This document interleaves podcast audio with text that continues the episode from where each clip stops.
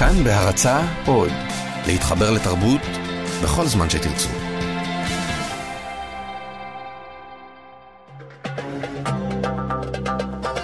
גם כן תרבות. עם גואל פינטו.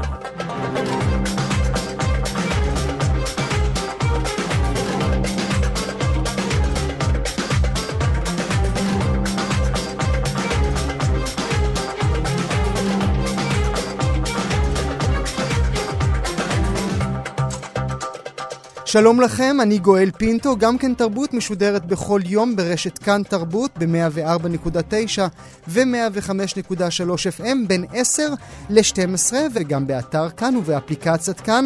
אתם עכשיו על פודקאסט גם כן תרבות במהדורת סוף השבוע, בה אנחנו אוספים עבורכם תצרף של קולות מעניינים שהושמעו בתוכנית היומית שלנו. תהנו.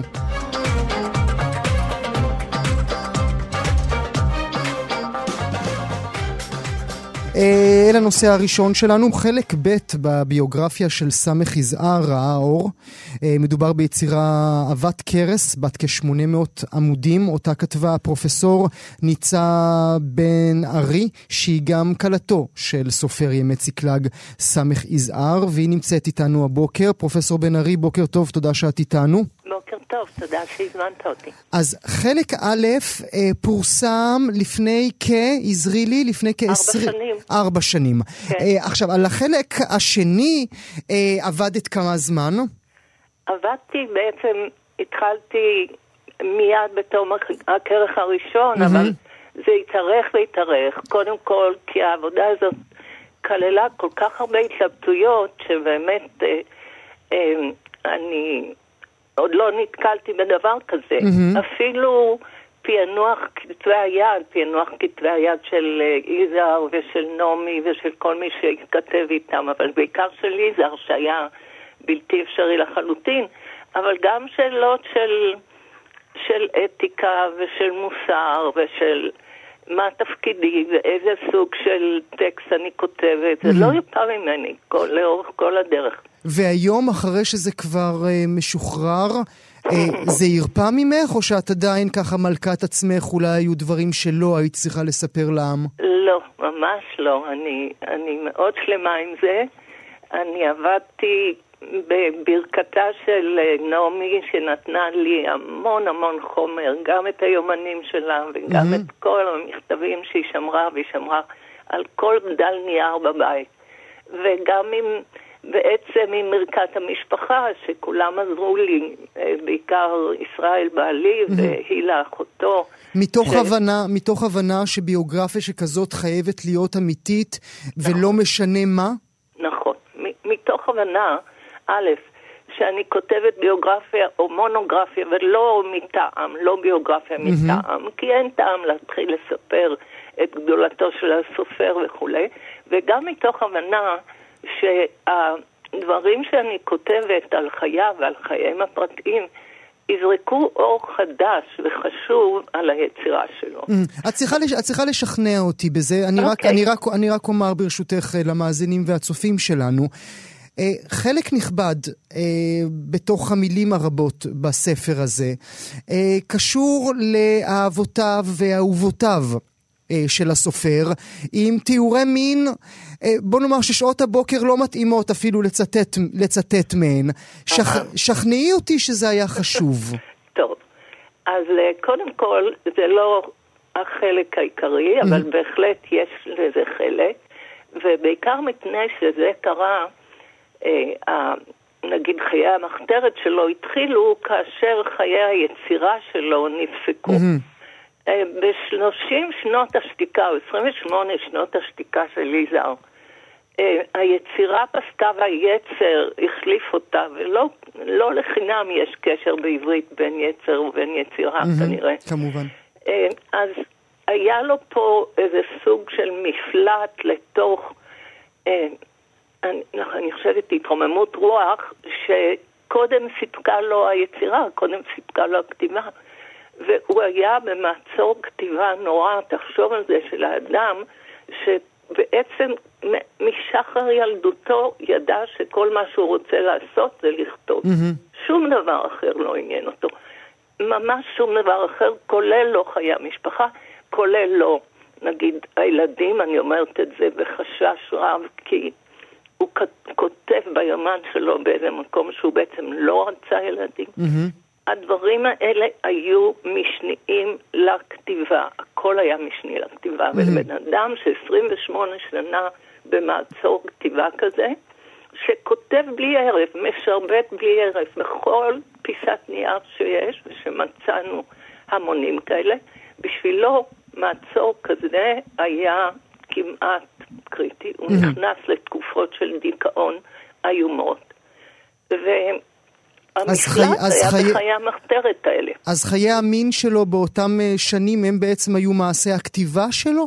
נגיד, אם אני, אני ניסיתי להגיד את זה כך, אם קודם הוא קיבל אורגזמות, מותר להגיד את המילה, נכון? זה כן, בהחלט. ו- ו- וגם, וגם רצוי שנקבל. בדיוק.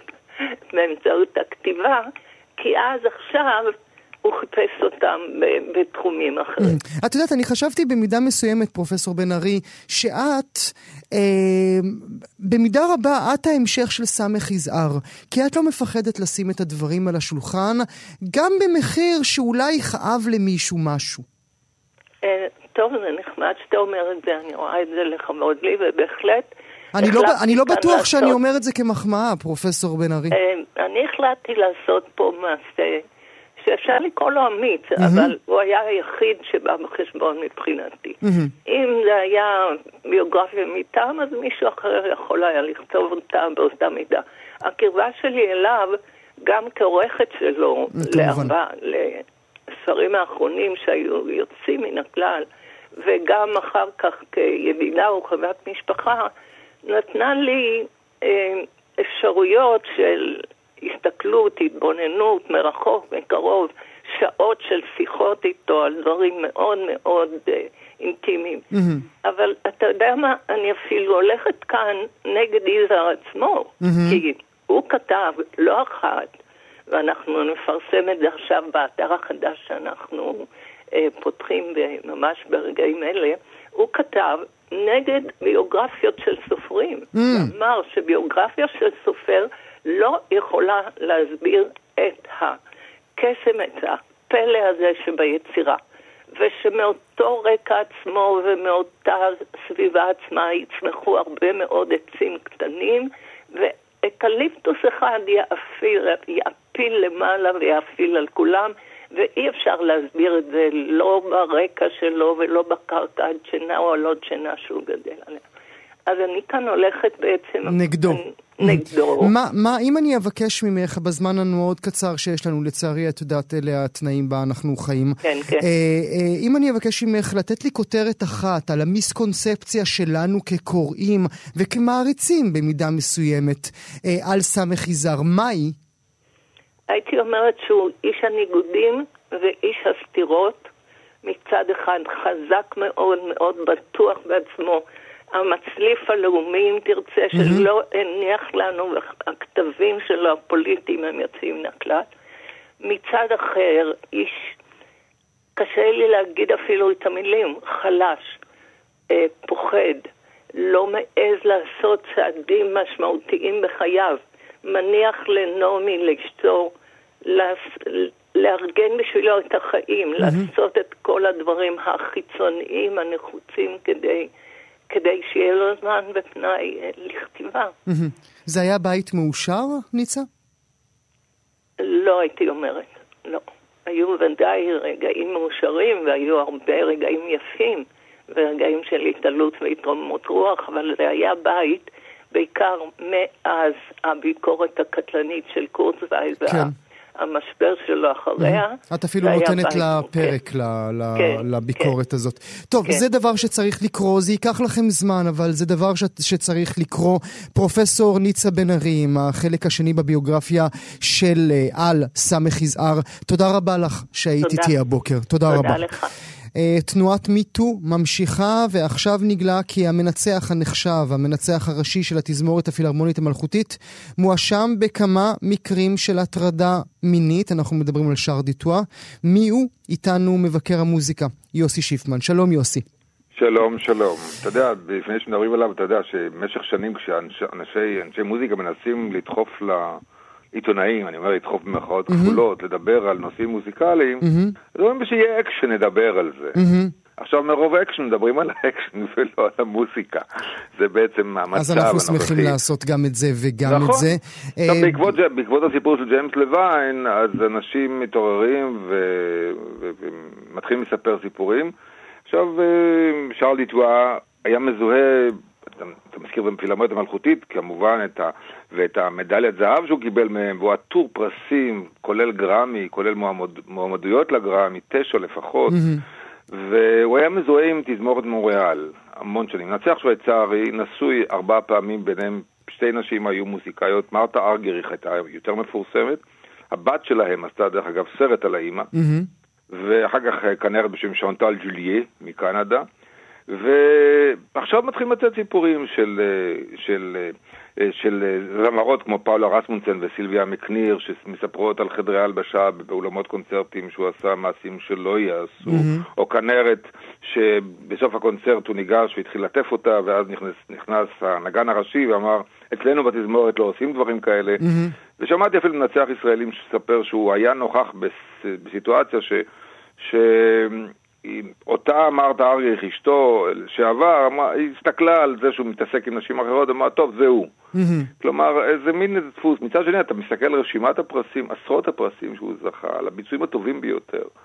ועל, ואתה מעמיד אחד מול השני, וזה, וזה באמת סיטואציה מאוד קשה. כבר ביטלו לו עכשיו, בעקבות, הוא בן 81 צריך לומר, ביטלו לו קונצרטים גם בניו יורק, גם בשיקגו, גם בקליבלנד, ותזמורת מוריאל עושה אחורנית, בודקת אחורנית מה היה, וכמובן שהפילמונית המלכותית והתזמורות שהוא מזוהה איתן, ותזמורת NHK בטוקיו, המקום היחיד שבינתיים עוד לא מדבר, אני לא יודע, זה, זה המקום שהוא שימש בו דווקא תזמורת של צעירים, שזה בכלל אה, סיפור, תזמורת פסטיבל ורבייה, שהוא היה שם, אה, הוא מנצח כבוד, והוא היה עכשיו, רק לאחרונה החליף אותו בתפקיד הזה, אה, ולרי גרגייב. אבל- ומשם הסיפורים עדיין, אה, עדיין לא יוצאים. עדיין לא יצאו, אבל אמ, לפני שציפורים יוצאים, התזמורות עצמן יוצאות שהן מבטלות הסכמים איתו, וזה המצב. עכשיו שוב, אישיות מוזיקלית באמת בין, הטוב, בין החשובים בעולם לאורך שנים, והנה אתה רואה, העסק הזה... לא, אתה יודע, כמו- אתה יכול עדיין להיות אישיות אה, מוסיקלית גדולה ולהיות חרא של בן אדם. נכון, נכון. עכשיו דרך אגב, בנושא ג'יימס לוין, ישנה עצומה על כן להחזיר אותו. במקביל, יש מוזיקאים ואנשים שחושבים שהמוזיקה יותר חשובה מהדברים האחרים. אז הם טועים, גם להם מותר לחשוב, כנראה שלכל, נכון, נכון. אחד יש, אה, יש דעה. אה, עד כמה באמת אה, בעולמות המוסיקה הקלאסית הנגנים, בעיקר הנגניות, מוגנים? זאת שאלה, תשמע, זה הרי בסופו של דבר נמדד בעניין האישי. אה, איפה זה נמצא, איפה זה, איפה זה ישנו. האם זה נעשה בכפייה, האם נעשה בכ- בכוח, האם זה נעשה מתוך רצון של אה, שני הצדדים למפגשים שהם מחוץ ל... מחוץ למסגרת העבודה כן. אבל לא על זה אנחנו האלה. מדברים, יוסי, כמובן. לא, אבל הפרמטרים האלה כולם נכנסים לסיפור הזה. אז הסיפורים תמיד היו. הסיפורים היו, לך תבדוק, לך תבדוק מה נעשה בחדרים אחרי הקונצרט במהלך ההפסקות.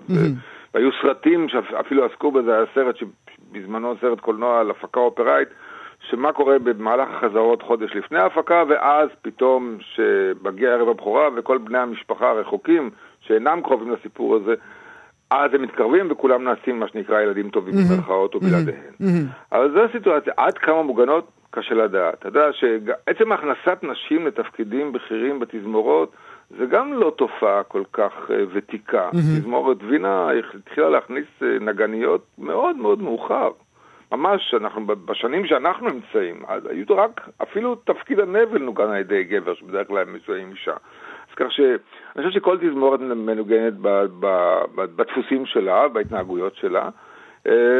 גם אצלנו היה סיפור באחת תזמורות שנגן הודע, הושעה ממשרתו, בסופו של דבר הוחזר. הוחזר, לגמרי הוחזר, שנינו יודעים במה אנחנו מדברים. בוודאי. לגמרי הוחזר, וזה היה בשנה שעברה, או אפילו בתחילת השנה הזו. אף אחד לא התנצל, אף אחד, התזמורת נתנה לו גב במידה מסוימת, בסך הכל החתימו אותו על איזושהי חתיכת נייר. היום, אם זה היה קורה היום, יוסי, בכל תנועת מיטו, לא הבן אדם הזה היה, עף מכל המדרגות. ללא ספק. אז הנה, את התשובה, התשובה היא ב, ב, בסיפור הזה עצמו. אז אני מניח שכל תזמורת עושה לעצמה דין וחשבון, וכל מנהל או מנהלת עושים לעצמם את המחשבות היום, הרבה תזמורות מנוהלות על ידי נשים גם בארץ. Mm-hmm. אז אני מניח שהדפוסים האלה לאט לאט אה, יפעפעו לתוך מערכת החוקים הפנימית של כל ארגון וארגון, ואני מקווה מאוד כמוך ש... שהדברים האלה ייעלמו מהנוף. טוב, אז אנחנו נתחיל, יוסי, ברשותך, עם מה ש... אנחנו נסיים עם מה שהתחלנו, יוסי. שרל דוטואה, אחד באמת מהמנצחים המובילים, עכשיו תפקידו האחרון הוא המנצח הראשי של התזמורת הפילהרמונית המלאכותית. גם הוא, גם הוא מואשם עכשיו אה, בהטרדות מיניות. יוסי שיפמן תמיד... לא רק מואשם, קונצרטים מבוטלים, אחד אחרי השני, כל ההופעות שלו מבוטלות. יוסי שיפמן תמיד עונג איתך, מבקר המוזיקה. תודה רבה לך שהיית איתי. בוקר טוב. גם כן תרבות. ביום חמישי הקרוב ייפתח פרויקט אוהבים אומנות, עושים אומנות של עיריית תל אביב-יפו. במרכזו פרויקטים אומנותיים במרחב הציבורי, והכניסה אל כולם כמובן חינם. זה כבר 15 שנה שהפרויקט הזה מתקיים. לראשונה הפעם לא רק אה, מוצגי אומנות מתכלים יהיו בו, אלא גם כאלה שיישארו במרחב הציבורי לטווח ארוך. איתנו עכשיו האוצרת הילה כהן שניידרמן, שאחראית על פרויקטים, על פרויקטים אלו. שלום הילה. הילה? כן. אה, שלום. שלום. יופי, אני שמח שאת איתנו. אה, נתחיל ברשותך בשאלה מדוע הוחלט השנה אה, להציג גם אה, מיצגי אה, אומנות אה, שיישארו במרחב הציבורי לטווח ארוך? אה, אני חושבת שפסטיבלים, נקרא לזה ככה, נהוג להסתכל עליהם כמשהו שהוא ארעי וחולף, אבל אני חושבת שבעצם, בגלל שהרבה פעמים הרבה מאוד משאבים כלכליים מופנים עליהם, הם דווקא יכולים להפוך להיות בעצם פוטנציאל mm-hmm. לתהליכי עבודה מעמיקים וארוכים שקורים לפניהם. הם מושקים לציבור, נקרא לזה, במסגרת פסטיבל מאוד מצומצם, אבל אחר כך האפקט שלהם אמור להוסיף ולהדהד. אמ, עכשיו... כי זה נשמע כמעט ברור מאליו, כן? כי גם ככה עבדו, גם ככה עשו, גם ככה הוציאו כסף, אז למדוע זה לא נשאר במרחב שלנו? אני מסכימה איתך לחלוטין, אמ, ואני חושבת שגם השנה, בגלל שהפסטיבל באופן ספציפי עוסק בעצם בקשר שבין אמנות לאדריכלות, שזה נושא שתופס יותר עניין ויותר תאוצה, mm-hmm. אז, אז זה עוד יותר עלה על סדר היום. אה, כי אדריכלות היא משהו שמעצב לנו את המרחב, והרבה פעמים מתייחסים לאמנות כמשהו שפשוט אמור אה, לייפות אותו, או להיות מוצב כאיזשהו פסל ציבורי, mm-hmm. אבל באופן אישי, אני חושבת שברגע שאומנים יוצאים מפעולה רק בתוך חללי תצוגה רגילים ומוכרים, יש פוטנציאל נורא גדול בלשלב אותם בכלל באופן שבו חושבים על, ה, על התכנון במערך העירוני. כי זה ייתן, אה. כי זה ייתן למבקר, להולך הרגל, למי שבמקרה נתקע לשם, ייתן לו מה? א', יש כל מיני סוגים אה, של התערבויות. Mm-hmm. נתחיל מזה שנראה לי ההתערבות המרכזית ביותר היא ממש תכנון נוף של כיכר שקוראים לה כיכר אירופה, mm-hmm. שהיא באזור שזה בעצם ממש... יקרה באירוע הפתיחה, זה ממש אירוע הפתיחה. זה ממש אירוע הפתיחה, mm-hmm. הדבר הזה יושק לציבור, אנחנו עובדים על זה אה, בחודשים האחרונים, אבל בעצם זאת עבודת אומנות חדשה, שהיא גם עוסקת בתכנון נוף של גינה שהייתה זנוחה במשך שנים, למרות שהיא ממש נמצאת ב- בלב תל אביב, ליד בית אסיה, בית אמריקה, בית המשפט, ואפילו ב- ממש בקרבת uh, הליכה למוזיאון תל אביב, mm-hmm. והייתה במשך שנים פשוט נטושה לחלוטין. Um, אז השתמשנו בפסטיבל בשביל לשלוח uh, uh, אלומת אור וזרקור לאזור הזה. Mm-hmm. אז מעיין ילקים, שהוא uh, אומן מאוד מעניין, ממש את התכנון נוף לערוגות, נקרא לזה הנטושות, וגם איזושהי עבודת רצפה שהולכת להישאר בכיכר אמ, עד אשר יתחיל איזשהו תהליך תכנוני אולי חדש אה, אה, למרחב. אולי תהליך תכנוני ש... שישאב מתוך העבודה עצמה של מעיין. לחלוטין. ואני יכולה להגיד לך שבפרויקט אחר, אה, אומן בשם יאן טיכי, ממש התלווה למשרד האדריכלים אוריה סקלי, שהיה אמון על תכנון השטחים הציבוריים mm-hmm. במרחב בשנים האחרונות. המשרד נתקע בתוך תהליך התכנון בגלל כל מיני אינטרסים של יזמים ש, שפעלו כאן, ובאמצעות האירוע הזה ממש הנענו מחדש את תהליך התכנון, אה, ושילבנו אומן בתוך, שעשה איזושהי סדנה עם סטודנט משנקר גם, שגם מהמחלקה לאומנות וגם מהמחלקה לעיצוב סביבה, כדי לנסות לעשות את החיבור הזה, ו, ואני חושבת ש... כי למעשה, בעיני... אנחנו צריכים כן. רגע ללכת צעד אחד אחורה, כי למעשה את מצביעה על מה שחסר בשדה הזה. כי כל כן. יוצר, אם, אם, אם אני יכול לקרוא לזה ככה, עושה את עבודתו בזמן הנתון שיש לו. המתכנן מתכנן, הבונה בונה, אחר כך קוראים אל האנשים הנלווים, למעצבים, לאנשי האומנות, ובעצם אתם אומרים, כל האנשים האלה צריכים לעבוד יחד כל הזמן. לחלוטין, לחלוטין, ולהתחיל את זה אפילו בבתי הספר, שיתוף הפעולה הזה. ואני חושבת שמבחינתי היתרון של אומנים זה שיש להם תפיסת עולם לא רגילה, אני חושבת. יש להם מבט קצת אחר על המציאות. וכשבמיוחד ב, אה, בכל תהליך תכנוני יש כל כך הרבה חסמים ואתגרים ומגבלות, ודווקא עיניים יצירתיות יכולה להפוך הרבה פעמים את החסמים האלה בדיוק למשאב אדיר לפעולה. ובעיניי זה פספוס להתייחס לאומנים רק כאנשים שאמורים לעשות אה, דברים יפים בסטודיו שלהם. Mm-hmm. אלא הם ממש יכולים להיות חלק מתהליכים תכנוניים בעיר הזאת. לא רק זה, אלא גם בעניין, אם הזכרת את uh, מעיין ועבודת תכנון הנוף, אם אני יכול לקרוא לה ככה, uh, כן. תמיד זה מגיע לפעמים, כן? Uh, אז אנא, אל תכתבו לי מלא מכתבים. לפעמים זה מגיע לכדי, uh, תשים לי כמה עציצים כאן, ונדמה ליזם שהוא בנה איזשהו uh, תכנון נוף. לחלוטין. עכשיו, דרך אגב, האירוע הזה שעוסק באדריכלות הברוטליסטית, שהיא mm-hmm. אדריכלות מאוד מורכבת ומעניינת, שאפשר להגיד שהיא הייתה אדריכלות של הציונות, והרבה מאוד מבני ציבור מרכזיים אה, נבנו בה, כמו בית הסוכנות היהודית ובית המשפט, ואפילו הקריה עם מגדל מרגנית, אז היא אדריכלות שהייתה לה הרבה מאוד מחשבה על, על שילוב של אומנים בתוך הפעולה התכנונית, ואולי הדוגמה הכי מופתית לזה זה אה, העבודה של זאב רכטר על תכנון בית המשפט, עם דני קרוון, כמובן. שבעצם אה, עשה את כל אה, תבליטי הקירות במדרגות, וזו אחת העבודות האמנות הכי מעניינות והביציוזיות שנראו כאן. אז מלכתחילה... רק, רק משפט אחרון, כן, כן. מלכתחילה, האדריכלות הזאת מזמינה סוג של קריאה מחודשת לאומנים, בואו תתערו, וגם לאדריכלים, זאת אומרת, לא רק לאומנים, אלא לאדריכלים, בואו תזמינו אומנים לא רק לעשות לכם קצת יפה, אלא להיות ממש חלק מהמחשבה. אה, בשבוע שעבר אנחנו כאן בתוכנית אה, דנו בתחילת ההריסה של שכונת אה, רובין הוד הברוטליסטית בלונדון, ונדמה שהמהלך שאתם עושים באוהבים אומנות, עושים אומנות, זה דווקא ההפך. אתם מהללים את, ה, את הבנייה הזאת ועוזרים לה מה? עוזרים לפאר אותה? עוזרים להחיות אותה? אני חושבת שזאת שאלה מאוד מורכבת. אני בוודאי לא חושבת שאנחנו עוזרים להלל אותה. בכלל, כל המהלך הזה נוצר מספר שיצא אה, השנה, שקוראים לו אפוריה, ארכיטקטורה של עצמאות, שנשען על מחקר של מחלקת השימור בעיריית תל אביב. אה, ואני חושבת שעיריית תל אביב עכשיו, אה, אחרי, אתה יודע, שנים של מיתוג של העיר הלבנה, כביכול העיר הזאת לא, לבנה, וכולנו יודעים כמה היא לא, mm-hmm. כן? אז, אז פתאום יש איזושהי, אה, איזשהו מבט מסוים לעיר האפורה. עכשיו, האדריכלות הזאת... שהיא, מר, היא... שהיא מרכזה, כן? כי עם כל הכבוד למגדלים ולבניינים ואלה, המרכז שלה הוא אפור. אני מסכימה לחלוטין, ואני חושבת שזאת אדריכלות מאוד סבוכה.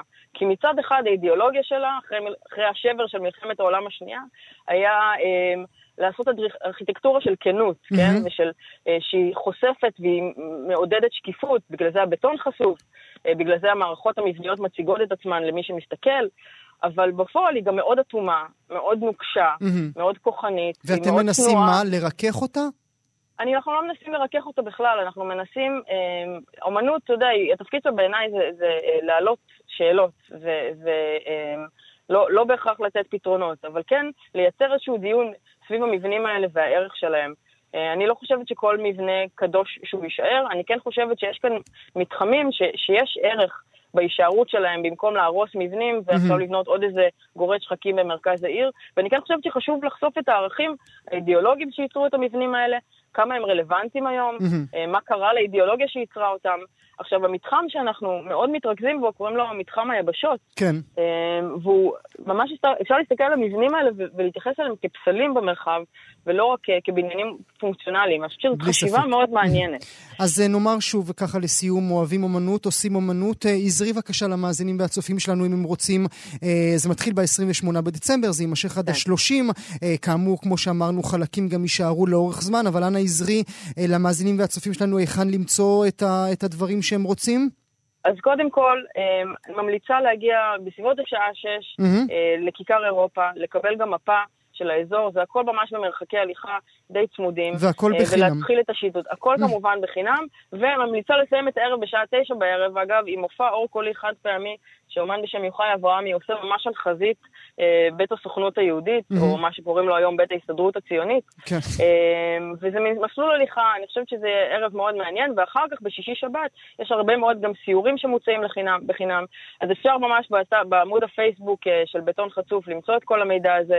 יהיה גם mini-site באוויר. בטון אז- חצוף אמרת? בטון חצוף, ככה ב- בחרנו לקרוא לאירוע. בטון חצוף. טוב, זה חצופי קצת. הילה כהן שניידרמן, תודה רבה לך שהיית איתי תודה- הבוקר. תודה לך, להתראות. ואנחנו עוברים מיד אל הנושא הבא שלנו. אה, מיצג הגיליוטינה שהתנוסס אמש בהפגנה ברוטשילד החזיר אותנו מיד אל, אל ספרו של אלבר קאמי, ערעורים על הגיליוטינה, ובכלל על מקומה של המערפת, כך שמה בעברית, בהיסטוריה של התרבות והאומנות. ואיתנו מבקר התרבות פרופסור ניסים קלדרון. שלום ניסים, תודה רבה שאתה איתי הבוקר. בוקר טוב. אה, קאמי בספר שלו פותח ואומר שההשפעה שהייתה על אבא שלו, על האבא שלו, כאשר הוא צפה בפעם הראשונה בהוצאה להורג, אולי פעם ראשונה, אולי בכלל, פעם יחידה, שהוא צפה בהוצאה להורג באמצעות אה, גיליוטינה, אה, השפיעה עליו ועל חייו כל הזמן. אז מה בעצם באמת המקום של הגיליוטינה בתרבות ובאומנות? תראה, קאמי באמת מתחיל את המסע הנהדרת הזאת, בזה שאבא שלו חזר מה, מההוצאה להורג הזאת, ונשכב על המיטה והתחיל להקיא. אה, אבל החוויה האישית הזאת היא, כמו אצל קאמי, אה, רק פתח להתבוננות כוללת על הגיליוטינה, ההוצאה להורג באמצעות גיליוטינה, והזכות שלנו להוציא להורג בכלל. על עונש זאת מוות. מסע מהמם. כנגד ההוצאה להורג בכלל. כנגד פסק דין מוות בכלל. אה, וזאת מסע מאוד עמוקה וחכמה, שעושה דרך מאוד אה, מרתקת לדעתי, זאת מסע יוצאת מן הכלל. כשבבסיסה בעצם קאמי אומר, אה, במקום להרוג אנשים תבנו להם בתים. הוא אומר גם שכש- שזה ביטוי א' לטיפשות, מכיוון שהוצאות להורג מעולם לא הרתיעו אנשים שבעצם כבר מוכנים למות ועושים את הזוועות הנוראות ביותר, כיוון שהם מוכנים למות. ב', זה ביטוי לברוטליות, אנחנו בעצם נהנים אה, הנאה סדיסטית מהמחזה של ההוצאה להורג, אה, ומעצם הידיעה שאנחנו יכולים בכלל להרוג. ג', זה מבטל את המינימום של השותפות האנושית. המינימום של השותפות האנושית, גם כלפי רוצחים, מהמם. היא שאנחנו, אך, כולנו עומדים מול המוות, וכולנו בני תמותה. הוא אומר שהזכות להוציא להורג הייתה בידי מי שמאמינים בערכים מוחלטים שמעבר לאנושי. אה, ערכים אה, מטאפיזיים, דתיים. הוא אומר, אני לא מאמין בזה, אני מאמין רק בזה שבני אדם הם יוצרי אה, ערכים, ובני אדם תמיד מוגבלים בידע שלהם, וגם תמיד בני תמותה. לכן אנחנו שותפים לעמידה מול המוות, מהמם. ולכן אין לנו אה, זכות להוציא להורג אף אחד. מה עוד שזה לא עוזר בכלל, מה עוד שזה רק מגביר את הברוטליות שלנו. עכשיו, העובדה שקאמי מתעסק בזה היא כמובן אה, הקשר הצרפתי, אבל הגיליוטינה היא כלל לא המצאה צרפתית. תראה, הגיליוטינה הייתה קיימת בהרבה תרבויות, אבל זה נכון שהמהפכה הצרפתית אימצה את הגיליוטינה והפכה אותה לסמל מאוד מרכזי. בין השאר, מי שהמציא את הגיליוטינה, האדם שעל שמו היא נקראת, חשב שזה הומני יותר ל- ל- ל- להרוג באמצעות גיליוטינה, וזה היה חלק מהמהפכה הצרפתית. Mhm. למה? כי קודם היו ארבע מינים של הוצאות להורג בצרפת. אצילים הרגו, הוציאו אותם להורג באמצעות הנפת חרב. מהמם. אבל פושעים נחותים היו קורעים את בשרם בארבעה חבלים שונים מארבעה כיוונים. אה, והוא חשב שההוצאה להורג הזאת של מכת אה, אה, אה, להב אה, חד וכבד בעורף הורגת באופן מיידי. אה, ו- והמהפכה הצרפתית גם הכניסה את זה לשימוש, קודם כל, בזה שהיא הפכה את זה למאוד מפורסם, היא הוציאה להורג תלוי השישה עשר, מהמם. ואת מר- מרי אנטואנט בהוצאות להורג, אה, אתה יודע, מדהימות כאלה שזעזעו את כל העולם, ונתנו ביטוי לזה שכאילו בשם הקדמה אנחנו מוציאים להורג ככה, מהמם. ואחר כך המהפכה הצרפתית התחילה להרוג את בניה, רובספייר שהתנגד בהוצאה. להורג. הוא זה שהוצא להורג בגיליוטינה אחרי כן, 16 אלף אה, אנשים נרצחו באמצעות גיליוטינה על ידי המהפכה הצרפתית. הגיליוטינה הפכה להיות ביטוי ללהב שאנחנו מביאים בשם הקדמה, mm-hmm. וללהב שטורף את הקדמה ומשחיר את פניה. Mm-hmm. ובמידה רבה הגיליוטינה כמו הכיסא החשמלי אה, המודרני, הם הגיעו אל מרכז התרבות שלנו, הפכו לסמל בתוך התרבות שלנו, בגלל מה? בגלל אה, הפרדוקסליות. Mm-hmm. בגלל הדבר הזה שאתה לכאורה אה, אה, הורג את, את הרע ולמעשה מגביר את הרע. לכאורה אה, אה, מביא את הטוב באמצעות הוצאה להורג ולמעשה מגביר את הרוע.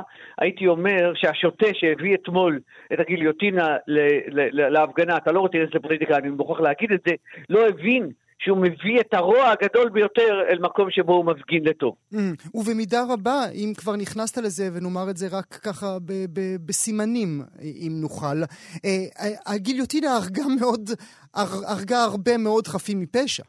בלי ספק, בלי שום ספק, מכיוון שמהפכה טורפת את בניה. אה, הגיל, אני אגיד יותר מזה, הגיליוטינה הייתה לגיטימציה אחר כך לטהורים אה, המטורפים של סטלין. Mm-hmm. לתיאורים המטורפים של מאו צטונג, אה, הגיליוטינה... איך אתה לוקח את זה משם לפה? הסבר לי. מכיוון שברגע שאתה נותן לגיטימציה לעשות מהפכה שלכאורה באה לעשות צדק סוציאלי, mm-hmm. ובשם זה להרוג, להרוג אנשים, זה מה שהמהפכה הצרפתית עשתה, mm-hmm.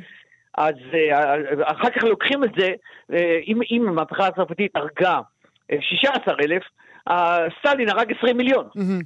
ומה הוא הרבה יותר, אנחנו לא יודעים את המספר. אה, אה, אה, המצב שבו לוקחים את הזכות להרוג בשם הטוב, וכאילו גם בשם ההומניות. אתה יודע שהמוציא להורג הראשון, המהפכה הצרפתית גם מינתה ממונה על הגיליוטינה. פעם אחת לפני שהוא הוציא להורג אישה, היא התפשטה לפניה ברומה. הוא קיבל התמוטטות עצבים, והוא נעשה אדם חולה עד יומו האחרון. העוצמה של הרגשות שבאות לידי ביטוי בעניין הזה של ההוצאה להורג אה, היא כל כך חזקה, שזה משפיע אחר כך. אני מוכרח, אתה יודע, אה, אולי אני אקרא לך אה, פסקה אחת, משפט אחד, מן המסע הנהדרת של קאמי, שמבטאת, הייתי אומר, את הזוועה הזאת. אני מאוד התרשמתי מהמשפט הזה. צדק איפה המחוקק בהניחו, שהחוק הזה, של ההוצאה להורג, נשען על אחד הדחפים המסתוריים והחזקים ביותר שבטבע האדם. הדחף להרוג. Mm-hmm. אבל החוק לעולם יהיה פשוט יותר מן הטבע. כשהוא מעז לצאת מעבר למחוזות הבלתי נודעים של ההוויה, הוא מנסה, מנסה לשלוט בהם, עשויים אנו להיווכח כי קצרה ידו מלצמצם את המורכבות שהוא חפץ לשלוט בה. אתה רוצה להגיד, יש רע, יש זוועה, אני מחסל אותה. Mm-hmm. מה קורה? פתאום אישה מתפשטת לפניך ויוצרת איזה דחף אדיר שאתה לא עומד בפניו. פתאום מתברר שהרצח הזה דווקא הופך את המת למרטיר, mm-hmm. ובעקבות זה נולדים רוצחים חדשים. אתה משחרר מן הגיהנום דחפים מטורפים, ואתה נותן להם ביטוי פומבי באמצעות הגיליוטינה, והתוצאה היא התבהמות של החברה. ואת כל זה לא הבין אה, אתמול מי שנשא את, אני אגיד עוד פעם, השוטה הזה לא הבין את כל זה. פרופסור ניסים קלדרון, תודה רבה לך שהיית איתי הבוקר. תודה לך. אה, ואנחנו עוברים אה, מיד אל הנושא הבא שלנו. אה, צופי כאן 11 כבר יכולים לראות את האורחת הבאה שלי. חברים חדשים התקבלו בשבוע שעבר לאקדמיה הלאומית הישראלית למדעים. ביניהם יעקב כדורי, פרופסור למקרא, אייל בן בנישתי, פרופסור למשפטים ועוד. רק אישה אחת, יונינה אלדר, פרופסור להנדסה, להנדסת חשמל, נמצאת ברשימה הזאת. ועם השמחה שלנו על כניסת חברים חדשים לאקדמיה, באקדמיה, שחברותם דרך אגב היא לכל החיים. זאת תמונת מראה למצבן של נשים בכלל באקדמיה ובלימודי המדעים אה, בפרט, ואיתנו עורכת ומגישת המעבדה, תוכנית המדע שלנו, כאן בכאן תרבות, כל יום, מא' עד ה', ממש שעה לפניי, בין תשע לעשר. גיל מרקוביץ', שלום גיל, תודה שאת איתי. שלום גואל, בשמחה. אז מהי האקדמיה הלאומית הישראלית למדעים? האקדמיה הלאומית הישראלית למדעים היא גוף שקם לפי חוק, והמטרה שלו הוא בעצם להיות מאגר לטובי וטובות החוקרים והחוקרות באקדמיה. בכל התחומים יש שתי חטיבות, כשהם אה, מחלקים את החטיבות שלהם לחטיבת המדעים וחטיבת מדעי הטבע, כלומר, וחטיבת אה, מדעי הרוח. אפשר שכל חטיבה תמנה 40 חברים וחברות. כמו שאמרת, זה באמת לכל החיים. Mm-hmm. מי שעובר את גיל ה-75, אז כבר אפשר להכניס כאילו במקומו אה, mm-hmm. אדם אחר. ו... שהמטרה היא בעצם מה? ליצור מין... לת... קודם כל, זה מאוד חשוב שלישראל... מין סנהדרין כזה? כן, שלישראל יהיה מאגר של חוקרים וחוקרות שיכולים לייצג אותה בכנסים, אה, במקומות אה, בעולם, mm. בינלאומי, להמשיך לפרסם, אז לפרסם גם עם הטייטל הזה, לפרסם מאמרים אקדמיים כמובן, לפרסם עם הטייטל שאתה גם שייך או שייכת לאקדמיה הלאומית הישראלית למדעים.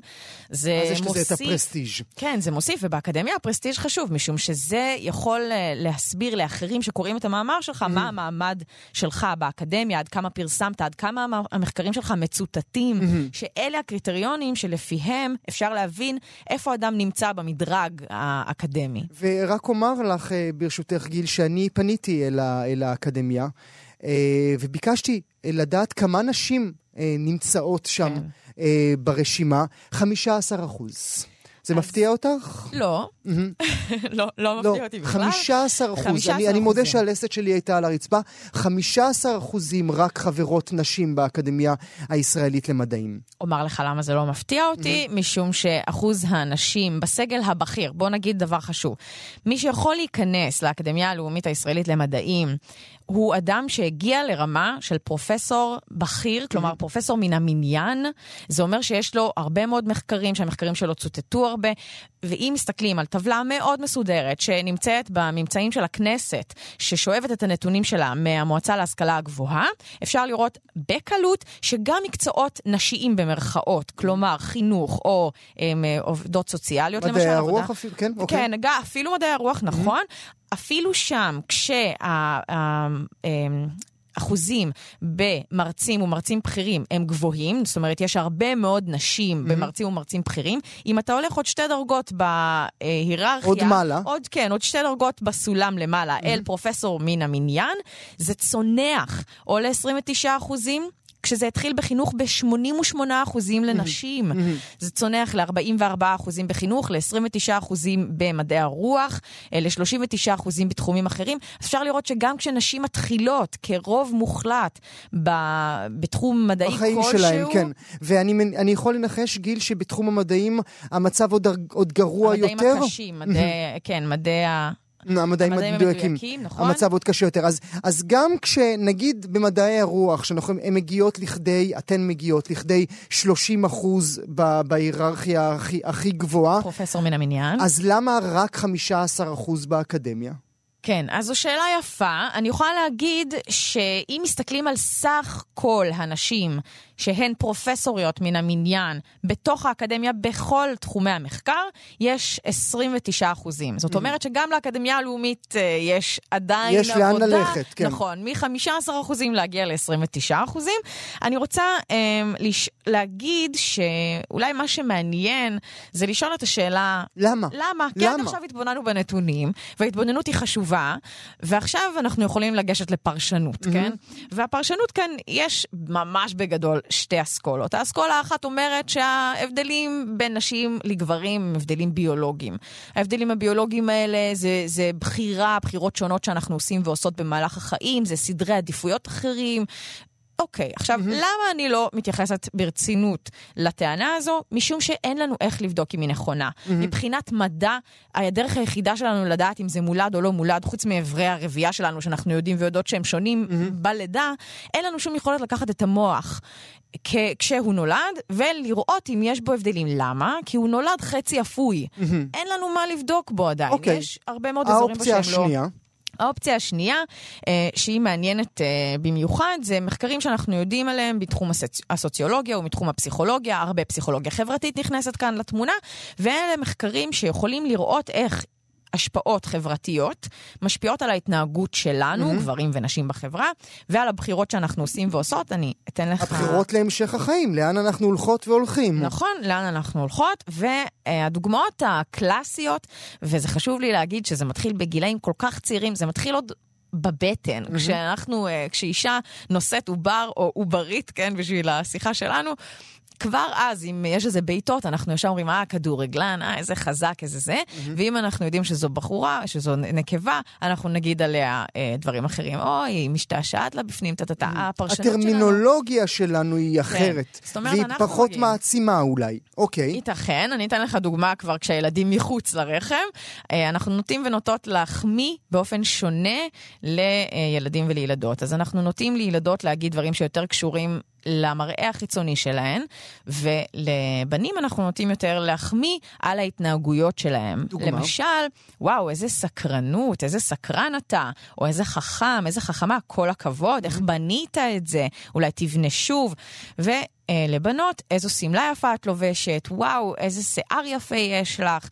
עכשיו, זה לא בכוונה, זה לא mm-hmm. בכוונה. אנחנו לא אנשים רעים, אנחנו לא רוצים שהבנות שלנו יהיו רק לא תהיינה מדעניות, כן. כן, לא תהיינה מדעניות. אלא זה פשוט מובנה ומושרש בנו, וחשוב לי שכל מי שמקשיבה לנו עכשיו, תשים לב. איך היא מחמיאה לבנים ואיך היא מחמיאה לבנות, ופשוט פשוט צריך להשוות את זה. אותן, אה, אותם מחקרים ש, שעליהם את אה, מתבססת במה שאת אומרת, אתם מצליחים למצוא linkage ברור בין המחמאה שאני נותן לבת שלי בת הארבע לבין היותה פרופסור מן המניין בעוד 40 שנים? יש linkage ברור. בין סטריאוטיפים חברתיים לבין השפעה על התנהגות. אה, זה נקרא סטר... איום הסטריאוטיפ, תופעה שנקראת איום הסטריאוטיפ. ש... כשאני למשל יודעת שיש סטריאוטיפ שנשים לא יודעות לנהוג או לחנות, mm-hmm. אז אני... זו אה, נבואה שמגשימה את עצמה. זה באמת נבואה שמגשימה את עצמה, כי מה שקורה זה שאם אני אמצא חניה מצוינת, אבל צפופה כמו כל החניות בעיר mm-hmm. תל אביב למשל, mm-hmm. ואני אתחיל את החניה, ושני גברים יעמדו על המדרכה, אני מיד לא תדעי מה לעשות, כן. אוי, לא, עכשיו, זה לא, זה לא בהכרח מחשבה מודעת, mm-hmm. אבל זה בהכרח יפגע בביצועים שלי. זה נקרא implicit associations, אסוציאציות חבויות, mm-hmm. והן משפיעות על כולנו ככל שאנחנו מגדילים את המודעות שלנו לאסוציאציות החבויות שיש בכל אחד ואחת מאיתנו, אנחנו מפחיתים את ההשפעה שלהן על ההתנהגות שלנו, mm-hmm. ולכן חשוב לעשות את זה. אז בגיל ההתבגרות אנחנו רואים אה, באופן מובהק שבנות ובנים מתחילים להפנים את הסטריאוטיפים לגבי עצמם. אתה יכול לראות את זה למשל בצורת ההליכה שפתאום גברים מאמצים לעצמם, mm-hmm. בצורת הישיבה שפתאום בנים בכיתה מאמצים לעצמם, אה, בצורת הדחקות, אני mm-hmm. בכוונה משתמשת במילה הזו, ש, שבנים מעבירים בכיתה, ואותו דבר אצל בנות. אצל בנות. עכשיו, אני תמיד, תמיד שואב מאותו מחקר אה, נפלא שקראתי עליו לפני מספר שנים, שילדות, אה, מתבגרות, נערות, שלומדות מדעים מדויקים, מדויקים בכיתות ללא בנים, ללא זכרים לידן, מצליחות הרבה יותר. כן, זה לא בטוח נכון. Mm, חבל, עדיין, חבל. אתה מדבר על כיתות מופרדות אה, כן, אה, כן. מגדרית. יש על זה, זה היה עד לא מזמן איזה סוג של קונצנזוס, יש על זה עדיין מחקר, לא בטוח שזה נכון. אחד הדברים שרואים שמשפיעים בצורה יותר גדולה מה, מהאווירה הסביב, הכיתתית, mm-hmm. האם יש בנים או בנות, mm-hmm. זה ההתנהגות של צוותי ההוראה mm-hmm. כלפי הלומדים והלומדות. Mm-hmm. זאת אומרת שגם צוותי ההוראה, היחס שלהם אל מי שלומד את מתמטיקה לבין מי שלומד מתמטיקה היא התייחסות שונה. כן. למשל, ב, אה, לא רק מתמטיקה אגב, mm-hmm. גם בהיסטוריה. Mm-hmm. מה שרואים זה שהרבה פעמים צוותי הוראה, מורים ומורות, נוטים לכוון אותך לתשובה הנכונה. נגיד, אתה תגיד לי מתי הייתה מלחמת העולם הראשונה, אתה תגיד לי 1913, אה, mm-hmm. אני אגיד לך, כמעט בוא תנסה mm-hmm. שוב, אתה יודע, אני אכוון אותך, mm-hmm. אבל אנחנו, וזה כמובן 14, ואם אנחנו נראה, ש, נראה את ההתנהגות ל...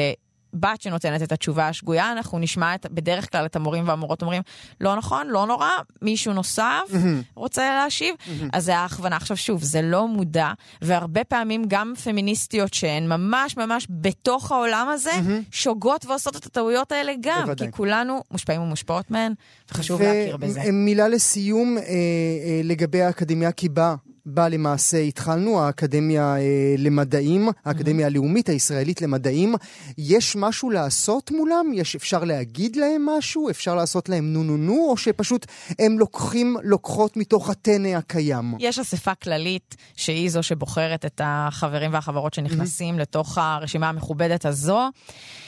לא הסתכלתי על, ה... על ההרכב של האספה הכללית, האמת. לא חיפשתי מספיק כדי להגיד שלא מצאתי, אבל זה אמור להיות דבר לפי חוק שהוא אה, שקוף לציבור, ולכן אני מאמינה שאפשר יהיה למצוא אם ממש נחפש. יכול להיות שגם ההרכב הנוכחי של האספה הכללית הוא, הוא עצמו בעיה. בעייתי, הוא עצמו בעיה. ועל כן אה, גם בוחר. ושוב, צריך להגיד, עדיין יש להם מבחר קטן יותר של נשים, משום שאם אנחנו חושבים על זה, מי שהיום פרופסור מן המניין צריך להיות בן 55, 52, אם הוא ממש ככה כוכב, וזה 30 שנה אחורה, התחיל את הקריירה 30 בוודאי. שנה אחורה, והמצב, ש- הפערים בין נשים וגברים היה גדול יותר. יותר גדול. גיל מרקוביץ', עורכת ומגישת המעבדה, תוכנית המדע שלנו כאן, בכאן תרבות, כל יום, בין א' ל-A, בין 9 ל-10. תודה רבה לך שהיית איתי הבוקר. בשמחה, תודה לך.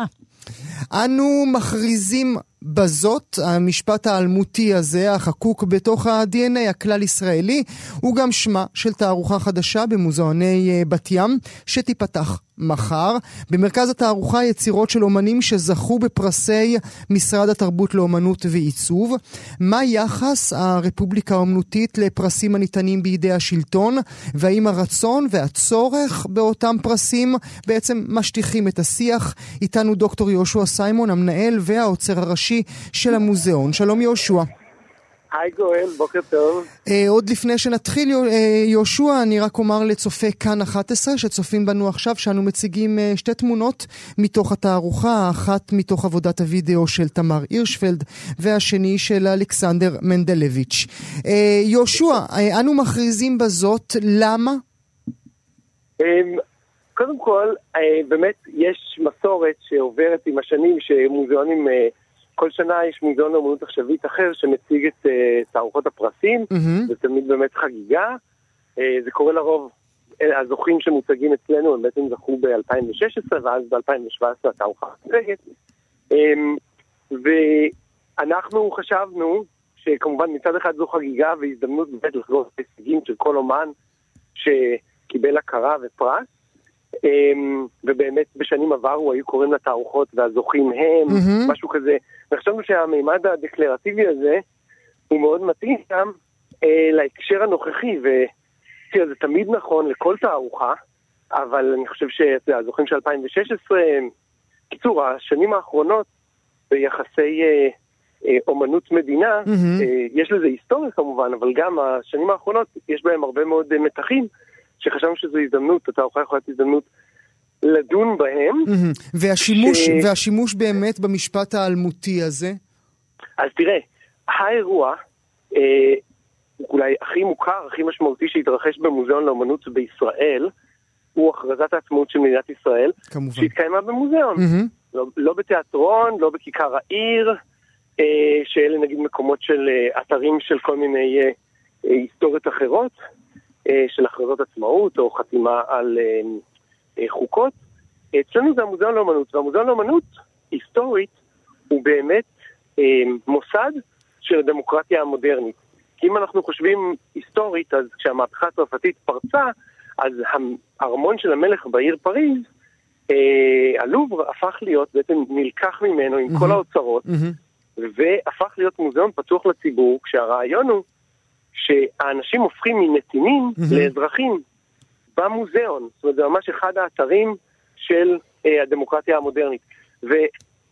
אז, אז, אם, אז, אם, אז, אם אני, שלה. אז אם אני בעצם. מבין נכון, אה, יהושע, אתה בעצם עושה אה, ניכוס על ניכוס. אתה מנכס לעצמך את אותם אומנים שהמשטר ניכס לעצמו על ידי הענקת פרסים להם. תראה, זה הכל, אה, כאילו, אתה יודע, אתה, גם בקטלוג הכל מופיע, כל הוועדות אה, אה, של, ש, שמינו את השופטים והשופטים, הם כולם אנשי מקצוע מקובלים וכולי. בסופו של דבר הפרס ניתן אה, על עבודה. על ידי מהמם. קולגות מקצועיים ששופטים את הערך של העבודה של הקולגות שלהם. אבל זה נכון שהקונטקסט הוא הסיטואציה של הפרסים, ש... שתראה, זו הצורה נאמר הכי ישירה שבה אומנים חווים את האינטראקציה של התמיכה מהמדינה. כי אני עובד במוזיאון בת ים, והמוזיאון נתמך על ידי מינהל תרבות, מהמם. והוא גם לא יכול לפעול בלי התמיכה הזו, זו תמיכה שהיא משמעותית ביותר לפעילות שלנו, ואנחנו עובדים ישירות עם אומנים. מהמם. אז, אז בוודאי שיש לזה גם השפעה, אה, אתה יודע, היחסים הם מכל מיני כיוונים. כן. אם יש מה שאני יכול להגיד זה שאפשר גם באמת לנכס את השיח במובן של להגיד צריך הרבה יותר כסף. מהמם. אוקיי, פרסים זה טוב מאוד, אבל מה עם הגדלת תקציב שאמרו לנו שתהיה בתרבות? זאת אומרת, אמ, זאת אומרת, אתה לא אומר לי, אומנים לא צריכים לקבל אה, פרסים מהמשטר. אתה לא אומר לי, לא ראוי שהם יקבלו את הפרסים האלה. אתה לא אומר לי, בעצם זה שהם מקבלים את הפרסים, הם פוגעים בעבודה האומנותית שלהם. אתה אומר לי, הם צריכים לקבל יותר. בטח, אפילו אם נשתמש במושגים, כן, מתוך ההיסטוריה הציונית, אומנים עכשוויים הם חלוצים, הם חלוצים כי זה אנשים שעובדים בשלוש משרות כדי לפרנס את עצמם, כדי שיישאר להם קצת זמן, אם זה לשכור סטודיו או לעבוד בבית על האומנות שלהם. גם אני עושה את זה, דרך אגב. אני מניח שגם אתה עושה את זה. נכון? כן, כן. בדיוק, אתה מבין? זה אנשים שבעולם שבו אה, כאילו מקובל שהכל הוא שווה ערך לכסף, הם מייצרים ערך שהוא מעבר לזה. וכל רגע, על, כמובן עם, אה, אתה יודע, אני לא רוצה להיכנס, אה, יש כבר כאילו דרך גם להגחיך את ה... איך לומר, את, ה, את התדמית של, אה, של האומן המתייסר וכולי, אבל בסופו של דבר הם לוקחים על עצמם, זה גם, ש- זה לא שיש להם בחירה, כן, הם ממש, זה הרי, גם אתה בטח מרגיש את זה ככותב, אתה חייב לכתוב. אז אתה בונה את, החי... את החיים שלך אה, סביב היכולת לתמוך בזה, והדבר הזה הוא מה שעושה את התרבות המקומית בסופו של דבר. אז אני הייתי משנה לחלוטין את הדיבור על אומנים, אה, כן, בדיוק, לחלוטין. ואם למדינה יש אמצעים, ויש לה הרבה מאוד אמצעים, היא צריכה. לעזור להם אה, לפתח את זה. ואתה לא מאמין אה, בתיאוריה שאומרת שפרסים פוגעים באומנות, פוגעים באומנים, כי רבים מהם מנסים למצוא חן, מנסים למצוא איזשהו ערך שאולי ימצא חן בעיני שופטים מסוימים? לא, זה, אני תראה, זה לא, קודם כל זה לא על בסיס עבודה אחת, כן? Mhm. זה על בסיס uh, הפעילות המצטברת של כל אחד מהאומנים, אז uh, קשה לראות את זה ככה. אני, אני, אני נגד פרסים בתור הדבר היחיד. אני חושב שצריכות להיות הרבה יותר תמיכות, מלגות, סבסוד, um, בכל מיני צורות. אז אה, אה, אשאל אותך ככה, בתור אה, מנהל מוזיאון ועוצר ראשי שלו, אתה בעצם במקרה הזה, אני מדבר על התערוכה הזו ספציפית, אתה מקבל את העבודות as is, זאת אומרת, הכותרת על היא אה, זוכה 2016, אבל בעצם עבודת האוצרות הייתה שם מה, יהושע? או, איזו שאלה יפה. קודם כל תבוא לראות את התערוכה, כי התערוכה יפייפייה. מהמם. זה נכון שעל הנייר זה נשמע שאתה יודע, מה יש לנו? הוא איזשהו מקבץ אקלקטי שהוא על בסיס חתך שאף אחד לא חשב איך הוא מתחבר לתערוכה. אבל בסופו של דבר, כשישבנו עם האומנים וכשעבדנו עם החלל, אז נוצרו המון המון הקשרים פנימיים והרבה עבודות, ובאמת המחשבה הייתה, אנחנו לא יכולים כאן לעשות תערוכה תמטית במובן שכל האומנים מתעסקים בנושא מסוים. מהמם. אבל אם יש משהו שנוגע לכל האומנים ולצופים שבאים לראות את התערוכה, זה ההקשר שבו היחסים האלה של, כן, המדינה, משרד התרבות שנותן את הפרסים, וקהילת האומנות, היחסים האלה זה ההקשר שבו זה קורה. אז באמת, אתה יודע, אף אומן לא התבקש לעשות עבודה בנושא, וגם אף אחד לא חשב שזה מה שאמור לקרות. אבל מאחר והתערוכה עומדת, זו הזדמנות, ואחד הדברים גם שעושים באוצרות זה להפעיל את התערוכה. למשל, ליזום שיחות, נשמח אם גם אתה תשתתף גואל, שיחות בדיוק על השאלות האלה, שנזמין אנשים, אפילו זוכים ממש מהקטגוריות השונות, גם במחול, זה התרגום, מהמם. אה, תיאטרון, אומנות, לדבר מה אנחנו רוצים מהיחסים האלה, איפה אנחנו עומדים ביחס לזה. כי אם לומר את האמת, הרבה פעמים משתמשים בנו, אתה יודע. זאת אומרת, התחושה שלי בתור בעל מקצוע בתחום, שהקדיש חייו מקצועיים, הוא שהרבה פעמים כשאנשים מדברים על אומנות, זה כדי לטעון טענה אחרת, הם רק משתמשים באומנות. אני אף פעם לא שמעתי אותם מדברים על אומנות מחוץ לקונטקסט הזה של, לא יודע מה, לתקוף אומנים על, אה, על אה, לא יודע, הקשרים שאותם מעניינים. והשימוש בכם הוא אה, איך מגיע לכדי... תראה, מה שמיוחד באומנות זה שהיא נראית. כן? זאת אומרת, זה חזותי. אז... אה, כן, כי אתה יודע, אני, אני יודע, אנחנו מדברים בשבוע בו גיליוטינה היא גיליוטינה, לא משנה איך תסתכל עליה ולא משנה מה יהיה תוארו של מי שיצר אותה. זה נכון, אבל טוב, לי יש עוד פרשנויות שאני יכול... אה, לא, עזבו, די, כל הפרשנויות אבל, אה, האלה זה... כן. גיליוטינה היא גיליוטינה. אבל הנה, גם גיליוטינה היא מוסד של הדמוקרטיה המודרנית, אתה יודע, שכאילו דחינו, אבל הסמל הזה יכול להיות לו כל מיני משמעויות. זאת. אומרת, אחד הדברים שקרו עם הגיליוטינה, בהיסטוריה של המהפכה הצרפתית, היא שגם רובספייר שהפעיל אותה, מהמם. בסופו של דבר היה קורבן שלה. כמובן, זאת אומרת, כמובן. אדם אחד לא יכול לנצל אותה כדי לשלוט על אדם אחר. מהמם. זו, זו המכונה שלא מאפשרת לאף אה, אליטה להפוך להיות אוליגרכיה. זה גם כן פרשנות של הגיליוטינה, תלוי, אתה יודע, לנו יש פרשנות אה, ב- בעיקרון, אתה יודע, יש, אה, בדיוק סיימנו אה, שנה וחצי של פרויקט על קומוניזם, בגלל שהתחלנו 99 שנים למהפכת אוקטובר ב-1917, התחלנו את זה ב-2016 במוזיאון.